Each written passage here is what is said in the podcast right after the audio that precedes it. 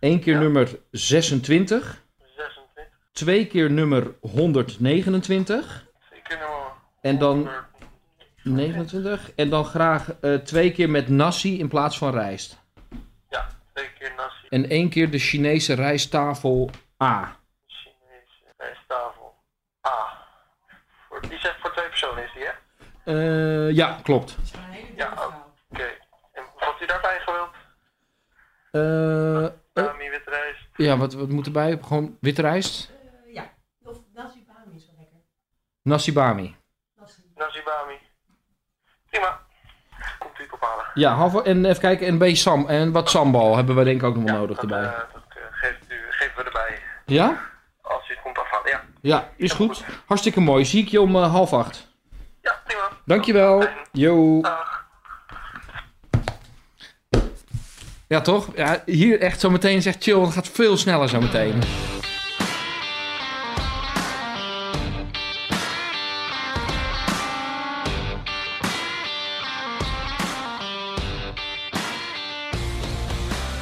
Binge-watch, studieschuld, Instagram, Tinder, ZZP, hypotheek. Van je lang zal ze leven geen hypotheek. Relatie, geen relatie, bindingsangst, verlatingsangst, keuzestress. Welkom in de wereld van OK Millennial. Als we onze voorouders mogen geloven, gaat het geweldig met ons. Zonder koophuis, zonder pensioen, maar in alle vrijheid. Daarover en meer praat ik met psycholoog Thijs Launsbach, filmmaker Emma Westerman en mediator Ai Kramer.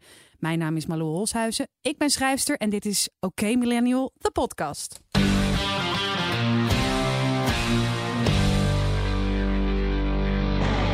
Hi Malou. Hey. Hallo, hallo, hallo, hallo. We gaan het deze week hebben over voorplanten. Want ja, je bent een mens en op de wereld gezet om je te vermenigvuldigen. En om maar eventjes met de deur in huis te vallen. Even het, het huidige rondje kan ik heel erg kort over zijn. Ike, je bent de enige met een kind. Waarom? Waarom ik de enige ben? Waarom je de enige... Nou ja, dat, daar gaan we het straks over hebben. Waarom jij de enige bent met een kind. Eh, jij hebt een zoon.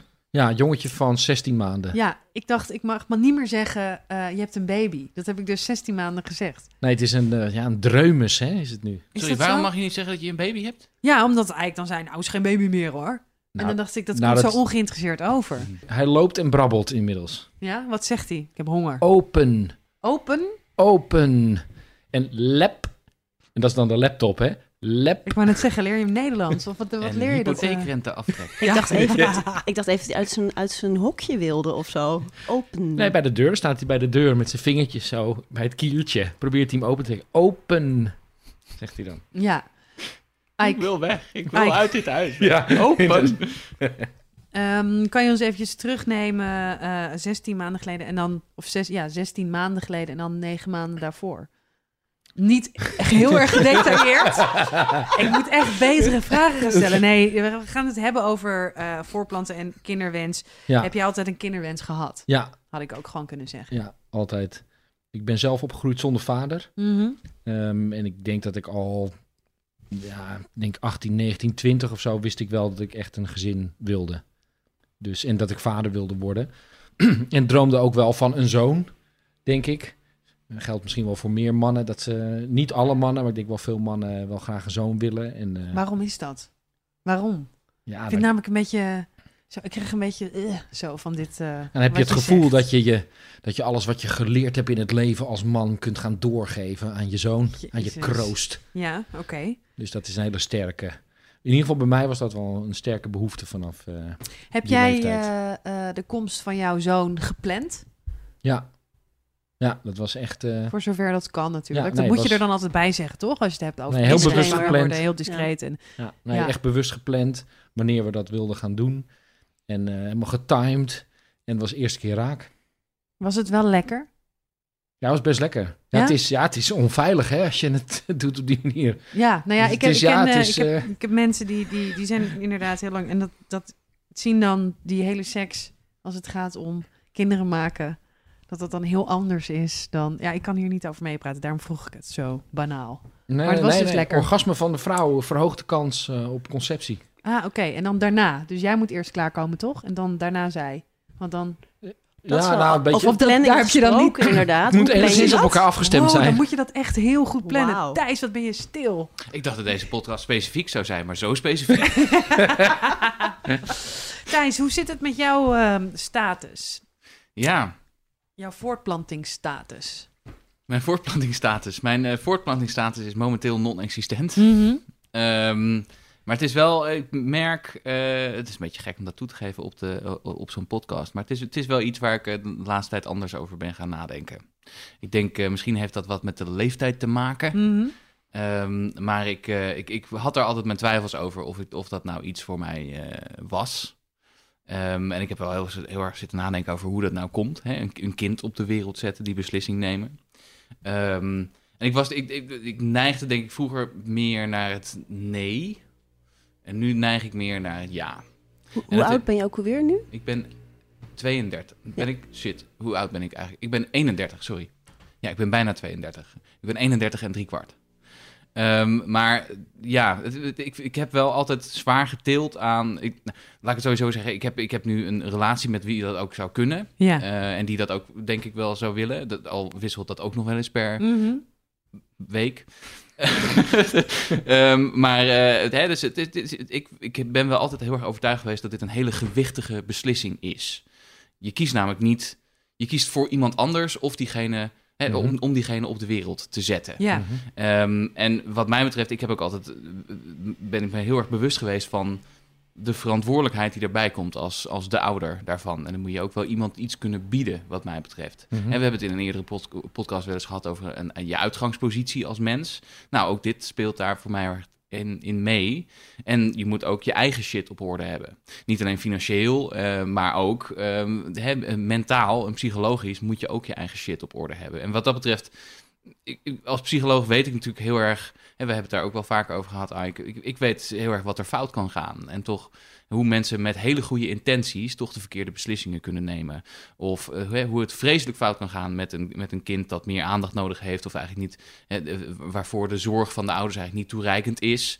Of de, de vermogens van de ouders niet toereikend zijn. Dus er kan nogal wat misgaan. Dus daar hangt nog wel wat vanaf. Ja, eigenlijk weet jij net iets te veel Ja, Ja, om, inderdaad. om, joh. om zo'n Ja. beslissing te kunnen nemen. je hebt ja. iets te veel ik heb, ik heb een onwijs hoge standaard voor mezelf. Ja, ja. En ik heb nog niet het gevoel gehad eerder dat ik aan die standaard zou kunnen voldoen. Het is ook Hm. niet per se dat ik nu denk dat ik daar wel aan kan voldoen, maar wel dat ik dat wat makkelijker zie gebeuren.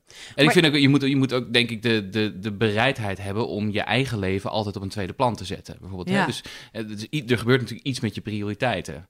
Ehm, dus dat, dat, dat punt had ik nog niet echt bereikt. Maar eh, ik, denk dat, ik denk er steeds vaker over na dat dat misschien toch wel zou kunnen komen. Maar ben jij door jouw, ben jij door jouw ehm, eh, kennis niet ook doodsbang? Ja, absoluut. Ik ben doodsbang. Emma, wat wij vragen? Nou, ik wilde eigenlijk vragen, is het niet iets om gewoon, eigenlijk vooruit voorbedurend op wat jij zegt, om het los te laten? Want Nee, eigenlijk, natuurlijk niet. want, wa- want eigenlijk heb je alle ingrediënten wat bedoel om je met kind... loslaten? Nou, je hebt alle ingrediënten om een kind te krijgen. In principe heb je namelijk, je hebt een vriendin, je hebt jezelf, je hebt een bed, eh, je gaat een koopwoning eh, aanschaffen, dus je hebt ook een nestje, zeg maar. Waarom, ik bedoel, kan het niet gewoon gebeuren? Dat is echt gewoon even, want ik heb het idee dat wij ook heel veel altijd ana- analyseren. Mhm. Zeker als het gaat over kinderen krijgen en voortplanten. Ja, Ik ben er ook een ster in. Maar als Mhm. ik het je zo hoor opratelen, denk ik, ja, maar het gaat toch gewoon. Je denk kan het ook laten nu- gaan. ik denk dat we dit heel eventjes eerst het rondje gaan afmaken. Want ik ben hier ook heel erg benieuwd naar. Maar laten we dat dan eventjes...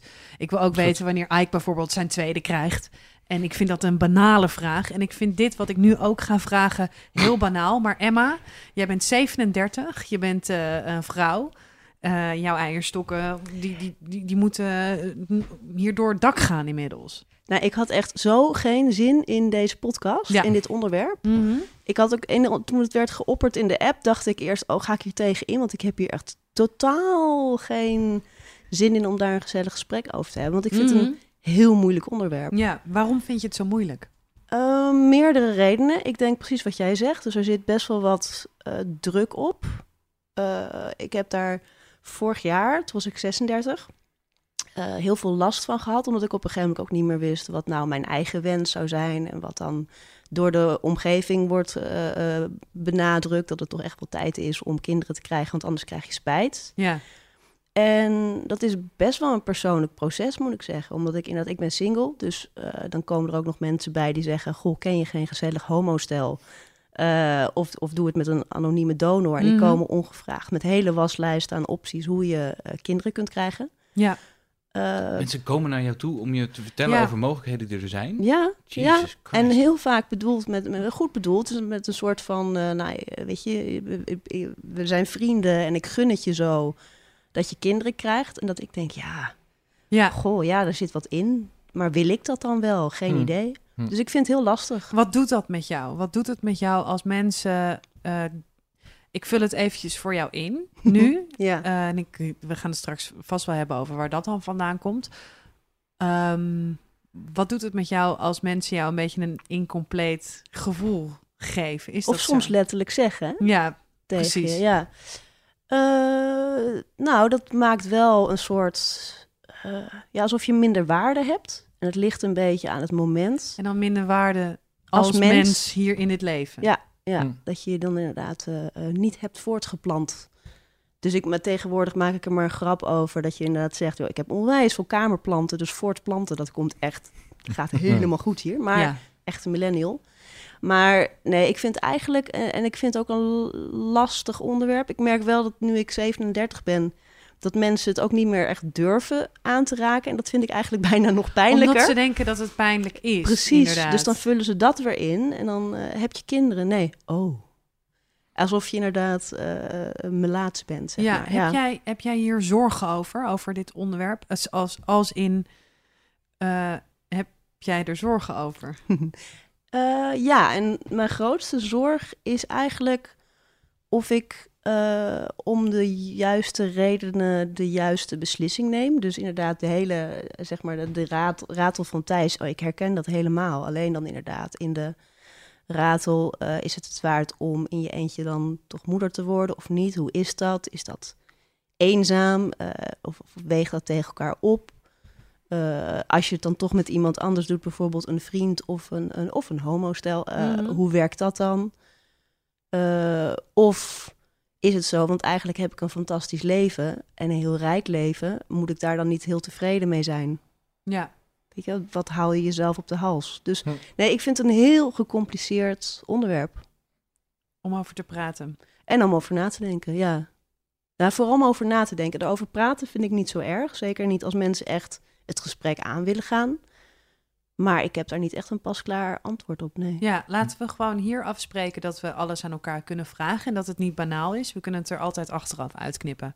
En dat zul jij als luisteraar van deze podcast dan niet weten. Moet je nagaan hoeveel dingen we er al uitgeknipt hebben die jij nooit zult horen. Maar ik vond ook echt goor wat jij eh, doet voor geld. Waarom jij zo weinig schulden hebt. Hey, even het rondje afmaken. Ja, het, eh? kinderwens of niet? Ehm, ik eh, heb geen kinderwens. Eh, ik heb ook nooit een kinderwens gehad. En ehm, ik worstel heel erg met eh, ehm, het definitief maken van het niet willen van een kind. En dat komt, ik heb een, eh, een oudere vriend. En hij heeft twee kinderen. Eentje van tien en eentje van 15. Echt ontzettend leuke kinderen. En ik vind hem ook een ontzettend goede vader. Ik vind hem heel erg leuk om, om als vader te zien. Ehm, en ehm, nou, wij hebben seks, want wij hebben een relatie. En ik heb natuurlijk altijd eh, gezorgd voor mezelf dat ik eh, geen kinderen krijg. Kan krijgen door eh, anticonceptie. Ik heb een spiraal, echt al. Het is mijn derde, geloof ik, eh, die, die ik heb. Je hebt er drie tegelijk? Ja, ik heb drie spiralen. Ik kan maar niet zeker. ze- Eigenlijk haat ik kinderen. Dus eh, ik kan me maar niet zeker genoeg zijn. Nee, kijk, ik, ik heb altijd goed voor mezelf gezorgd als het gaat om anticonceptie. En ik heb nu ehm, voor het eerst in mijn leven eigenlijk gewoon een vriend die zegt: Ja, hou eens even. Ik vind helemaal niet dat jij daar alleen maar verantwoordelijk voor bent. Jij hebt eh, geen kinderwens. Ik heb twee eh, fantastische kinderen. Van mij hoeft het in principe ook niet meer. Ik wil daar best eh, ook mijn offer voor brengen. Dus dus da- dat is een soort van, wij hebben het daarover. En ik vind dat dus heel erg lastig, omdat ik kan me niet voorstellen dat ik ooit wel kinderen wil. Maar ik ben ook 32. En er wordt mij van alle kanten gezegd, nee, hoe jij nu denkt, dat is niet Hmm. hoe het is. Jij gaat nog wel, er komt een dag dat jij eh, dat wel wil. Dus doe dat niet. Maar mensen zeggen dat dus ook gewoon tegen je. Absoluut. Mensen zeggen Ja, tegen... dat, dat verbaast me een beetje ook in jouw verhaal, Emma. Er zijn dus mensen die kennelijk die, die, die zich ongevraagd met jullie levensbeslissingen bemoeien op deze Ja. manier. Ja. Absoluut. Dat vind En ook wat. echt... Ja. Ze vragen Zonder het- scrupules. Aan Ja. mijn liefde vragen ze het ook hoor. Eh, oh, oh, is zij 32? Dan wil ze vast nog kinderen. Wil ze snel kinderen? Wil jij nog kinderen? Het is vaak, mensen vragen dat nog eerder dan dat ze vragen: hey, hoe was je week? Wat voor werk doe je? Ehm, en op wat voor politieke partij is het? Wat ook heel persoonlijk is, maar daar hebben we het niet over. Het is, het is mensen vragen dat gewoon. Ja. Nou, ik denk ook als je zelf kinderen hebt, dat de kans dat je dat gaat vragen of zelfs verwachten van andere mensen groter wordt. Want dat is jouw dagelijkse realiteit. Dus als je dan iemand ziet zonder kinderen, denk je van, hé, hey, zijn het ook. En dat met de beste intenties, maar eigenlijk is het ook best wel een beetje opdringerig. Ja, Mhm. En het brengt me ook dan wel weer aan twijfelen. Omdat ik dan denk, ja, is, is er dan iets mis met, met mij? Of is het dan zo toch echt, ben ik dan zo geprogrammeerd als vrouw... ehm, dat ik dat dus op een gegeven moment moet gaan voelen. Dus misschien ook wel ga voelen. Ja. Weet je wel, als wij deze beslissing maken, is het dan zo dat ik er later spijt van kan krijgen. En dat ik dan zeg, oh ja, nou, ik wil toch wel kinderen, bye, ik ben weg. Mhm. Eh, ik vind dat heel lastig. Ik vind het een hele lastige, ehm, nou ja, ook ehm, wat jij zegt. Het is helemaal geen leuk onderwerp om onwijs diep op in te gaan, omdat het ook, kan dit ook nu niet oplossen. Nee, dat vind ik er heel vervelend Ik aan. denk ook niet dat we aan het eind van de podcast daar een oplossing of een... eh, Een baby uit Nee, ja. totaal niet. Nou ja, je weet het niet. Maar, Maar Ike, heb jij dit niet? Wordt jou nooit gevraagd? Jij hebt nu één eh, zoon. Eh, wanneer komt de tweede? Ja hoor, dat vragen mensen wel eens. Wat vind je Vooral daarvan? mensen met meerdere kinderen. Wat vind jij van die vraag? Ja, ik heb er niet zo moeite mee met de vraag. Maar ik heb een andere positie. Zo. Hoezo maar, dat, maar dat is dus ook eigenlijk een best wel impertinente vraag. Want ik heb bijvoorbeeld ook vriendinnen die, eh, ook als ze één kind hebben, geen kind meer kunnen krijgen. Of waarschijnlijk met heel veel moeite. Maar één iemand die dat echt weet. En die krijgt dus continu die vraag. En Ja. inmiddels- inmiddels dan niet meer, omdat het kind al wat ouder is, haar eerste kind. Of eigenlijk haar enige kind. En dat is continu een eh, confrontatie met het feit dat het niet kan. Maar mensen zijn daar heel open en vrij in. Gewoon zeggen, Ja. wanneer komt de tweede? Niet eens als vraag van, van wil je dat? Kan Mm. dat? Ja, het Maar- verbaast me toch wel. Ik, ik heb, ik, ik- Ja, jij bent hier echt, je, bent met stomheid geslagen bijna. Nou, nee, het- het- volgens mij is dit nou typisch zoiets waarvan mensen dan ehm, denken: oh, daar hebben we allemaal iets over te zeggen. Over een individuele beslissing van iemand. En ik, ik heb wel eens, ik heb een, ik heb een keer een lezing gehouden eh, voor, ehm, eh, de, volgens mij waren het verloskundigen en gynaecologen. En die ging eh, deels over de vraag van hoe komt het nou dat we nu een generatie moeders hebben die soms vanuit het idee dat ze het allemaal heel maar perfect moeten doen en hun eigen perfecte plaatje van zo'n bevalling, soms beslissingen nemen als het misgaat die in hun eigen nadeel zijn. Een heel specifieke vraagstelling was dat. Ehm, maar ook daar, toen ik me daarin ging verdiepen, kwam ik ook heel erg over op, op, op mommy shaming. Dat is echt een ding, kennelijk. Je- de- Mhm. Als je dus moeder bent, dan zijn er de hele tijd mensen die zich bemoeien met hoe jij de dingen aanpakt. En ze voelen zich daartoe gerechtvaardigd vanuit een soort... Oh, eh, ik moet wel nu wel even ingrijpen, want anders heeft dat kind het koud in die kinderwagen, bijvoorbeeld. Hè, dus dan ook zich Als gerechtvaardigd... buitenstaander. Ja, als buitenstaander je bemoeien met... Ja, Ja. ja. of op, op fora, hè, ik zit hier en hier mee. Ja, maar je mag nooit dit en je moet altijd dat. Dus er wordt nogal wat... Het lijkt wel alsof, als het dan over kinderen gaat... dat, je, dat het opeens gerechtvaardigd is om als een buitenstaander in te grijpen... en van alles te gaan zeggen over hoe jij je leven leidt. Terwijl ik zou zeggen, als ik dit hoor... dan denk ik, als jullie vragen krijgen, krijgen van mensen... en die vind je niet gepast... dus, zeg dat dan mij- gewoon. Zeg, ik, dat vind, ik, vind het niet nou gepast. ja, dat ik, maar ik, of ik geef heel banaal antwoord. Maar Ja. wat mij heel erg stoort, is volgens mij wordt dit alleen maar tegen vrouwen gezegd. Dat zou kunnen. Wordt er heel vaak tegen jou gezegd, eh, wordt het niet tijd voor kinderen? En hoe, hoe- hoe kijk, wij stellen die vraag nu omdat we er een Ja. podcast over maken. Maar krijg jij, Thijs, in het dagelijks leven te horen, wil jij kinderen? En hoe, Hmm. hoe ga je dat dan doen met je werk en zo? Ja, ik, ik krijg wel eens die, die vraag. En er zijn inmiddels ook wel... Soms heb ik een gesprek met, met mensen die ik ken... of hè, die dan zelf ouder zijn... eh, die, die tegen me zeggen... ik zou het je gunnen dat je dat zou kunnen doen... of dat je dat doet. Ja, Ehm, dat, dat ervaar ik niet als als iets dat inbreuk doet op mijn, eh, mijn zeg maar, autonomie in mijn eigen leven. Dus ik, ik heb daar niet zo heel veel problemen mee. Nou, wat misschien is, ook ja, speelt in de basis is natuurlijk dat... Kijk, mannen kunnen tot hoge leeftijd kunnen ze kinderen maken. Ja. Ik weet niet, volgens mij kan je zelfs op je 50, je 60ste... kan je in theorie nog als man, eh, als je hem nog omhoog krijgt...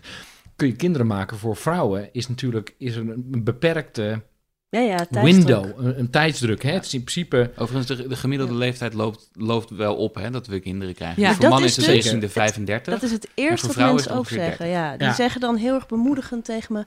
maar het kan nog tussen 43ste, hè? Ja, maar wie de fuck Nou, zijn zijn deze mensen, op, Emma? Wie de fuck op. zijn deze mensen? Nee, ho, ho, nee kijk, We gaan geen even namen los van die mensen. Dat heet de ontgroening. Hè? Dat is, eh, wat grappig is trouwens, dat het samenhangt met de vergrijzing. Ontgroening, dat is toch als je De- bij een studentenvereniging wil en dat Ja, je dan nee, eh, over nee, elkaar dat heet, gaat eh, liter dat- wodka moet drinken. heet Oh, de ja. ontgroening heet dat. En dat hangt zelfs samen met de vergrijzing. Vergrijzing betekent dat dus de, de gemiddelde leeftijd van je, de samenleving hoger wordt. Nou, dat is nu. Hè, wij leven in, de vergrijzing is de grote demografische verandering in onze maatschappij van nu. Mhm. En wat betekent is dat omdat dus de groep ouderen heel groot wordt, wordt de druk op de sociaal-economische positie van jongere mensen wordt groter. Of de, het leven wordt duurder. En als het leven duurder wordt, dan ga je het nemen van kinderen uitstellen. Dus, dat, dus vergrijzing en ontgroening hangen samen met elkaar. Hm. En het is ook nog eens zelfs zo, en dat heet, noemen ze dus de demografische fuik. Ik heb hier me toevallig in verdiept ehm, laatst. Daarvoor zit jij ook toevallig in deze Toevallig podcast, zit ik eh, daarom ook hier. Het Ja. heet de demografische fuik, of de demografische val noemen ze dat. Dat dus vergrijzing en ontgroening hangen samen en versterken elkaar. En dat betekent dus dat je dus ehm, steeds minder, er worden gewoon steeds minder kinderen geboren. En dat kan je ook niet oplossen. Zelfs zou je zelfs bijvoorbeeld met, eh, met immigratie, dat wordt dan wel eens gezegd dat dat, dat, eh, dat dat het op kan lossen. Dat is ook niet waar, want die passen zich aan aan de cultuur waarin ze komen. Dus bijvoorbeeld ehm, Mhm. Ehm, mensen die immigreren naar Nederland hebben binnen één of twee generaties, nemen ze ook nog maar één kind. Mhm, In, mhm. hè, en ongeveer 170.000 kinderen zijn er geboren in 2018. Dat was er in 2008 waren dat er ongeveer 185.000. Dus het loopt behoorlijk terug. Dus dat loopt al terug. Dat is veel vruchtwater. Dat is heel veel Oh, vruchtwater. dat Kan is een heel raar beeld nu. Dat is heel. Maar het dus die- vruchtwaterzwembad is geopend. Maar dus Ja. sowieso, dus de maatschappelijke. De, de vorige keer, de vorige aflevering heb ik ook heel erg zeg maar, geprobeerd te hebben over hoe de maatschappelijke omstandigheden je individuele leven be- beïnvloeden. Dat geldt natuurlijk hier ook. De maatschappelijke omstandigheden dwingen vrouwen om die keuze uit te stellen. Mhm. Maar biologisch gezien is het niet zo dat, dat het vrouwelijke lichaam dus ook opeens tot later kinderen kan krijgen. Want dat is in principe na je veertigste is, de kans, is de kans gewoon best wel klein dat dat lukt in één keer. Terwijl als je jong bent, is de kans dat dat in één keer lukt, is veel groter. Het kan wel. Het voordeel wel is nu dat we allerlei technologieën hebben natuurlijk die de kansen weer ook weer wat vergroten. Dus het kan wel. Maar ja, ik vind dat het best wel veel druk zet op jonge vrouwen van nu. En als ik dan ook hoor dat mensen dan ook nog een sociale druk ook nog daarop gaat, gaan Nou ja, uitoefenen. Of dit soort monologen houden. Want eigenlijk wat je nu, nu zegt, inclusief de druk van de leeftijd, denk ik, ja, eigenlijk ga ik in mijn hoofd zit ik een soort la la la la la la la je nu te blokken. Omdat Ja, ik denk, oh, kan dit is ook weer druk erbij. Ja, Ja. ja. Ja. ik kan me voorstellen. Bij, eh, bij- bij mij in mijn omgeving, mijn vriendinnen laten eh, hun eicellen invriezen. Ja, weet ik heb daar misschien een heel raar idee bij, maar ik ga dat dus niet doen, heb ik al besloten. Dat heb ik wel Mhm. besloten. Ik durf het je dus niet meer te vragen, omdat ik dus nu de hele tijd dat kutwijf ben die die vragen stelt. Nee, maar als ik wil- iets niet wil beantwoorden, te lui om te knippen in Ja. deze podcast. Nee, dus- maar ik ga, en dit is totaal nergens op medisch gebaseerd, maar ik heb gewoon het idee, als je zo'n ingevroren ei, ik, ik ben dan zo'n degene die dan een slecht ei krijgt of zo, heb ik dan het idee. Dat je dan, je eigen ei? ja, dat, dan, maar dat is dan bevroren geweest en wordt ontdooid en dat laat iemand vallen of zo ergens along the way. Ik zie dat helemaal het is voor niet in een vrieskist, hè? Ze hebben daar andere methodes voor, volgens mij. Ze gaan daar over het algemeen vrij secuur mee om. Naast de ingevroren carbonades en. Ja, inderdaad. Ja. Nee, het is nergens op gebaseerd. met- eh, eh, maar op de een of andere manier trekt mij dat niet zo. Nou, Nee. weet je, ik wil hier eventjes iets over zeggen. En ik denk dat dat ook eigenlijk veel... eh, ehm, dat zou veel normaler moeten zijn. Het zou echt wel de, de maatstaf zou moeten zijn dat je helemaal geen kinderen hoeft te hebben. En waarom? Omdat eh, het beste wat je nu voor deze wereld waar we in kunnen, in, waar we in leven, kan doen, is zeggen: ik neem geen kinderen. Het slechtste voor deze planeet is nog een mens op deze aarde. Ja, maar dit is toch de, En, de, eh, abominabele logica. Dit- Nee, dat is niet, nee, dat is niet zo. Ten want- voordele van wie? Van het milieu? nee, gewoon te, te voordeel van De druk hoe op we aarde. de, de druk die je legt Ja. op een vrouw. K- kijk hoe Emma hier, kijk, Ja. hoe, kijk hoe ze erbij zit. Die Dit doe arme jij dus. vrouw. Dit doe jij Dit dus. is- dat allemaal ten Nee, koste van het, is- milieu. En dat komt omdat het heel erg normaal is om, om dus eh, tegen haar te zeggen... het is normaal dat jij kind, het hoort dat jij kinderen krijgt. Waarom heb jij nog geen kinderen? En zou je niet eens een eitje En zou je niet eens lekker eh, met pipetjes aan de gang gaan met je homo-vrienden? Terwijl het zou eigenlijk normaler moeten zijn om dus geen kinderen te willen. Omdat dat dus uiteindelijk voor de wereld waarin we leven... waarover we zeggen het is normaal kinderen te krijgen... eigenlijk veel beter af is geen kinderen te Ja, dat je- zei je- je- kinderschaamte. Je hebt vliegschaamte. Ik vind dat er ook Ja, maar je- kinderschaamte dat, moet dat komen. zou- eh, qua eh, ecologische footprint is dat inderdaad waar, maar je haalt twee dingen door elkaar. Wat goed is voor het milieu en voor de wereld in het algemeen, dat betekent niet dat, dat het goed is voor jou als persoon. Die twee dingen moet je niet met elkaar verwarren natuurlijk. Nee, maar ik denk dat het... ehm, waarom kunnen we het niet omdraaien? Waarom? Nou, ik denk dat dat wel... ik denk ik dat zie dat ook wel goed. gesteld. Nou, toch? ik zie ook wel dat dat gebeurt. Ik denk dat het nu wel aan het draaien is. En het zou mij niet verbazen als over een jaar of 20, 25... ehm, sowieso het heel normaal is om één kind te nemen... in plaats van wat vroeger normaal was, twee, drie kinderen. En ik denk ook dat het wel meer maatschappelijk geaccepteerd ook wordt...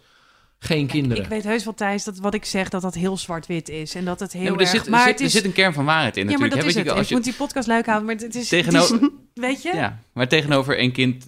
Kijk, als je geen kind neemt, qua ecologische footprint... dan kan je inderdaad ehm, je, je SUV, je Land Rover, diesel stationair laten draaien... terwijl je met je twee honden drie keer de wereld overvliegt. Oh, dat, dat is wel waar. leuk dat je airmiles krijgt als je geen kind Precies. hebt. Ja. Eigenlijk, wat ik... Ik zal het even nu... Vliegen als je Ik geen zal kind het hebt. eventjes proberen eh, te nuanceren. Het is toch zo? Wat is zo? Het Dat is he- toch zo dat het gewoon beter is om geen kinderen te krijgen? Natuurlijk niet. Wat is beter? Ja, Wat is nee, maar beter zij in bedoelt deze zin? gewoon Wat is het begrip ecologisch- beter in deze zeker- zin? Voor iedereen is het beter dat ik geen kinderen Ja, krijg. voor het milieu. Ik, denk dat dat onzin is. Nou, je- voor het milieu inderdaad. Je kunt, ja. je kunt uitleggen voor het milieu, maar ik ben het wel eens met wat Thijs zegt. Dat is waar, maar en ik vind het ook een leg als dat een reden is dat iemand geen kind wil nemen, is dat een hele legitieme Ja, reden om dat niet te doen. En tegelijkertijd is het dus een hele persoonlijke keuze. Mhm. Het gaat, ik denk dat wat, wat, wat Thijs ook een beetje bedoelt is, het gaat ver- wel ver om te zeggen dat iemand die wel een kind neemt, het milieuschade toebrengt. In China vonden ze dat een heel goed idee. Mhm. Ja, maar eh, Nee, daar vonden Nee. ze, wilden ze vooral dat, dat geen gaat eigenlijk uit meisjes van het idee dat zeg maar, het, het Precies. goed is voor de wereld als er geen mensen zouden zijn. Hè? Dat is ook een idee wat je wel eens hoort. En dan denk ik, ja, goed voor wie dan? Nou ja, Precies. ik denk dat net als je kijkt naar waarom zit... Dat, het is voor mij ook, als je het omdraait, waarom wil ik geen kinderen?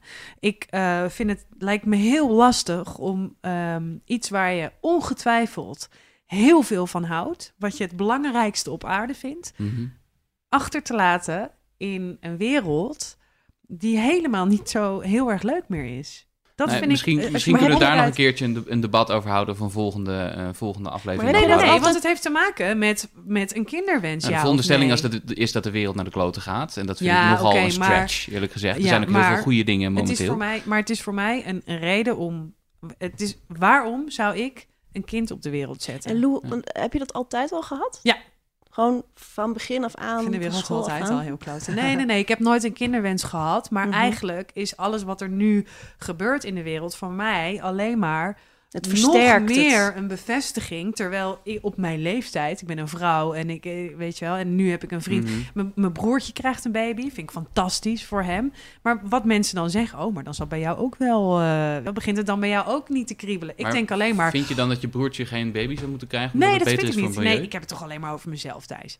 Nee, maar dat is volgens gewoon- dezelfde logica zou dat een logische uitkomst zijn natuurlijk. Nee, want nu zeg Waarom je... is het beter voor de wereld als hij een baby krijgt, maar jij niet? Ik vind het beter voor de wereld dat hij geen baby krijgt. Omdat ik gewoon vind dat eh, niemand meer baby's moet krijgen. Want dan, dat is beter voor de wereld. Omdat dat wat dat jij een net tamelijk zegt... radicaal standpunt. Nee, maar het is geen, dat is niet mijn standpunt. Ik zou, eh, wat ik zei is, het zou normaler moeten zijn om geen kinderen, om te kiezen om geen kinderen te krijgen. Normaler. Ik zeg niet, het is beter als mijn broertje geen baby krijgt.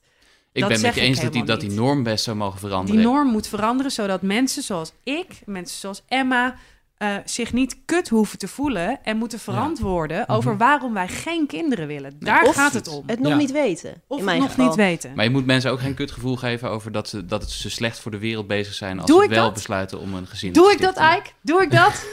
zeg dan. Heftig Nee, nee, nee, aan nee, dat, nee, nee dat, dat doe je niet. Ik denk wel, waar we het over eens zijn, is dat je... Het is aan de ene kant heel biologisch. Mhm. Hè? De, de, de biologische klok of de, de behoefte als man om je genen te verspreiden en dat soort dingen. En tegelijkertijd word je ook heel erg beïnvloed, rationeel en daarmee ook uiteindelijk emotioneel, wat jouw kijk op de wereld is. Ik ken meerdere mensen die zeggen: Ik weet niet of ik kinderen wil, want ik breng ze in een wereld eh, waar ik, eh, eh, die keihard is. Eh, en, dus ik vind het een hele legitieme, hele legitieme reden om dat ook niet te willen. Wat je, wat denk ik uiteindelijk, en daar ben ik het met Thijs eens, is. Uiteindelijk moet je wel doen waar je zelf gelukkig van wordt. Oh, maar dat is... Nu lijkt het net alsof dat nee, de nee, nee, discussie nee, is, maar ik, dat ik is... reageer nee. nu niet per se op jou, maar gewoon Mhm. meer op wat ik zelf vind. En dat het. Kijk, en helemaal in het begin zei Thijs denk ik ook wel iets interessants. Dus in principe is kinderen nemen een egoïstische daad. Zeker. Zeker. Absoluut. Want Eens. het kind vraagt niet om geboren te worden. Nee, maar de vrouw vraagt ook niet om constant gevraagd te worden wanneer ze gaat baren. Nee, ik denk dat dat Nee, ook nee, wel nu ook het verschil is tussen twee mannen en twee vrouwen Ja. aan tafel. Wij hebben hier last van. We hebben een Ja. andere realiteit Als wat dat man, betreft. klopt, Ja. als man heb je, je je window om kinderen te krijgen is heel groot. Je hoeft er eigenlijk niet zo heel veel voor te doen. Hè? Zeg maar, je bent in Nou. principe in vijf minuten. In vijf minuten kan je een kind op de wereld Ja, zetten. en jij in lange één, vijf minuten, jij in één Thijs. Nee, een kind op de wereld. We hebben het over Ja, voorplanting. ja, ja, snap ik. En de verantwoordelijkheid die daarna komt, en ook daarvan is hij ook weer in de eerste jaren is hij weer groter voor, voor de moeder. Er zijn uitzonderingen, maar ik heb het van dichtbij meegemaakt nu. Ja, die, zo'n bevalling en dat eerste jaar, daar heeft, heeft de moeder heeft daar toch echt wel de primaire verantwoordelijkheid. Dat is gewoon een bijna een soort symbiose die, die een moeder heeft met, Vind ik ook met een wel klein erg kind. ouderwets hoor. Nee, maar dat, dat Nee, maar is, natuurlijk- natuurlijk is dat zo. Een man geeft geen borstvoeding? bijvoorbeeld. Een man geeft geen borstvoeding. D- dat kan een man niet. Wat wel zo is, en ik denk dat dat een hele goede ontwikkeling is, die we nog veel meer moeten aanwakkeren en nog veel meer moeten stimuleren. En dat is dat mannen, vaders, moeten gewoon nog meer verantwoordelijkheid nemen en krijgen in de opvoeding van kinderen. Er zijn Scandinavische landen, zijn daar veel verder in. We zijn hier in Nederland, zijn we blij als mannen één, twee dagen eh, ouderschapsverlof krijgen. Oh ja, dat is ook echt vaderschap. Twee dagen vrij van je werk. Weet je, op, op een, ja, dat is op, belachelijk. slaat helemaal nergens op.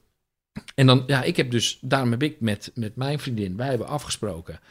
Ik ga gewoon minder werken. Ja. Want ik wil dat. Ik wil gewoon die verantwoordelijkheid nemen. Dat is, heeft grote impact ook op hoe mijn weken eruit ziet, hoe mijn werk eruit ziet. Maar daar hebben we gewoon bewust voor gekozen. En hè, dus Moon heeft een, een- jaar niet gewerkt nu om voor Rippie te zorgen. Heb ik extra gewerkt, zodat ik alle, alles kan betalen. En Moon gaat in december weer werken. En dan ga ik twee dagen minder werken. Maar en ik vind jij- dat dat. eh, ik, ga niet, ik vind niet dat iedereen dat moet doen. Maar ik vind wel dat je de, als man de ruimte moet krijgen om, om dat te doen. Maar heb jij ik denk veel, wacht even, maar heb jij veel eh, jonge vaders als vrienden? Ja, wel veel, ja. Want, en denkt iedereen een beetje hetzelfde als jij? Of ben je dan echt... eh, Nee, ik denk toch toch dat de meeste mannen blijven gewoon... ehm, hebben misschien even een, die beginfase van, van de baby. En die gaan dan redelijk snel weer op dezelfde manier hun ja, carrière in. precies. Want wat ik van jou bijzonder vond, is dat jij echt vanaf het begin af aan met draagzak en al, ging jij naar eh, vergaderingen toe en was je aan het werk. En dat heb je best wel geïntegreerd in je leven. Dat vind Ja. ik best wel bijzonder Nou, ook. ik vind best wel dat dat een norm moet zijn. Ja, Ja. Ik, vind dat, ik vind het heerlijk. En ik, ik, ik gun. Ik Veel gun. wo- normen aan het weerleggen in deze. Ja, eh, ik het is toch logisch Ja, dat is we ook heel als goed voor je image, denk ik, als je dat doet. Ja, het is goed voor je image. Maar we Ehm, moeten als maatschappij ontwikkel je toch ook Ja, verder. We, we terecht. kwamen uit een hele ouderwetse situatie. Hè, waarbij mannen vijf... We hadden Ja. spotjes in de jaren tachtig nog. Wie is die man die het vlees snijdt op zondag? ook een hele enge man in die Ja, dat was een creep. Maar Ja. dat, was- zo lang is dat nog niet Ja, geleden. maar dat is denk ik ook een van die hoge eisen. Ik had, ik had het aan het begin van de aflevering over... de- die hoge eisen die ik voor mezelf heb. Nou, dit is er bijvoorbeeld eentje van. Ik wil niet in de situatie komen dat ik ehm, van een baas maar vijf dagen weg mag van mijn werk of zo. Eh, al- als er een kind wordt geboren. En dat, is niet, dat correspondeert niet met de eisen die ik heb aan mezelf over ouderschap. Dus, dat, hè, dus ik wil gewoon niet in die situatie terechtkomen, bijvoorbeeld. Dat is een van die eisen eh, waar we het eerder over hadden. Dus dat, eh, ik, vind, ik, nou, ik, vind nogmaals dat dat een behoorlijke verantwoordelijkheid is. Ehm, dus ik, ik, die discussie die wij eerder hadden over... moet je niet gewoon nu alles uit je handen laten vallen... en het maar gewoon proberen, want er zijn geen ideale omstandigheden. Dat is een discussie die ik ook wel eens met Linde, met mijn vriendinnetje heb. Van, ehm, ja, dat, ergens klopt dat. Nou, het is ook zo, het, het, mij gaat het niet gebeuren. Mhm. En dat kan ik echt hardop zeggen, dat ik per ongeluk in verwachting raak. Nee. Omdat ik... eh, Drie spiraaltjes heb. Drie, drie spiraaltjes heb. En eh, ook nog één thuis, op mijn nachtkastje, voor de zekerheid. Maar daarin...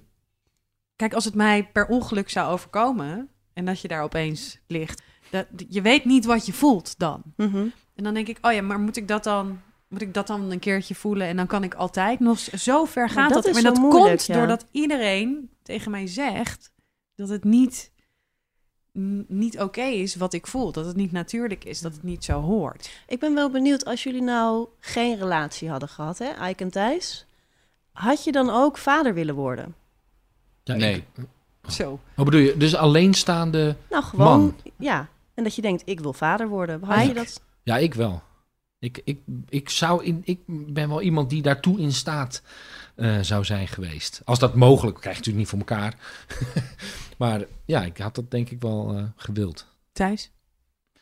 Ja, ik ben een beetje bang dat ik eh, nu hele tegendraadse en controversiële dingen ga zeggen. Maar het- het lijkt mij. Ergens zit in die relatie die ik heb, zit ook de, de mogelijkheid besloten om een, om een kind op te voeden. Ik denk dat dat ontzettend moeilijk is als je dat alleen doet. Eh, In de Mhm. hoeveelheid aandacht en de hoeveelheid tijd en de hoeveelheid liefde die je dan dient te geven in je eentje, naast dat je ook nog alles zo. Ik zeg niet dat het nooit goed kan gebeuren, maar het zou, zou niet mijn voorkeur zijn om dat buiten een Maar het is relatie toch te doen. helemaal niet, niet... Het is toch juist heel mooi om te zeggen... ik denk dat ik Linde nodig heb om zoiets Ja. moois te... Ja, maar ik wil niks ten nadele zeggen van mensen die eh, alleen een kind opvoeden. maar of die die, haten jou sowieso altijd. Dat zou zomaar kunnen. Dat je een hele rijke psycholoog Nee, bent. ik ben Nee, maar dat is, nee, ja. maar dat is om heel flauw te doen. Ja. Het- natuurlijk kan dat en er zijn fantastische voorbeelden van, van waarin dat wel goed gaat. Dus ik zou niet iemand anders iets willen aanpraten. Maar voor mij persoonlijk eh, zou dat, eh, is het feit, is mijn relatie met Linde daar wel de, de bakermat Ja. voor. Het- En jij, het- Emma? Nu wordt het, nu bij jou is het dus toch wel weer een hele beladen rotvraag. Zou jij in je eentje moeder willen zijn? Daar, ja, ik ben daar nog niet over uit. Mhm. Goed antwoord. Huh. Heel goed antwoord. Nee, het lijkt mij verschrikkelijk, jongens. Ik eh, hoop dat ik daar niemand inderdaad... Nu word ik een beetje bang door dat te zeggen, omdat Thijs zo netjes is. Maar het lijkt me echt verschrikkelijk. Heel veel respect voor mensen, eh, vrouwen. Ik zal het eh, doorgeven aan mijn moeder. Ja, precies. Nou ja, ik Ja. heb daar heel veel bewondering voor. En ehm, het lijkt mij de hel op aarde. Ja. En, maar ik vind dat Het is- dus heel het is- knap. Ja, het is wel hard werken. Maar, er zijn heel veel dingen in het Als leven. ik zou weten dat die zo leuk als Ike zou worden, dan... Die willen we allemaal wel. willen we allemaal willen wel. Laten we in ieder geval concluderen dat het oefenen voor het voortplanten altijd een leuke bezigheid is. Wauw, dat is iets wat mijn opa nog zegt. Dat is echt niet normaal. Fuck jou. Ja. Hebben we nog eh, iemand die, die eh, eh, nog wil afsluiten? Ik vind gewoon dat mensen zich iets minder moeten bemoeien met eh andermans kinderwens. Ja. Op welk Ik moment vind dan sowieso dat ik het mensen helemaal mee eens. Ik denk minder dus moeten bemoeien tijd- met jullie levens. Ik denk dus de hele tijd dat Ike een foto van Maar zijn nee. zoon wil laten zien. Maar hij wil zeggen, jongens, ik moet naar de Chinees om het eten op te halen. Ik dacht serieus dat je een kinderfoto had Nee. ik was toch Ik heb nog zo- vijf ik minuten om de Chinees tijd- te halen. Ik was dus de hele tijd al leuk, zo leuk aan het knikken. Ja, ja, leuk Rippert, ja, met Maar mijn ik dacht ook serieus, ja, na drie keer weet ik het wel.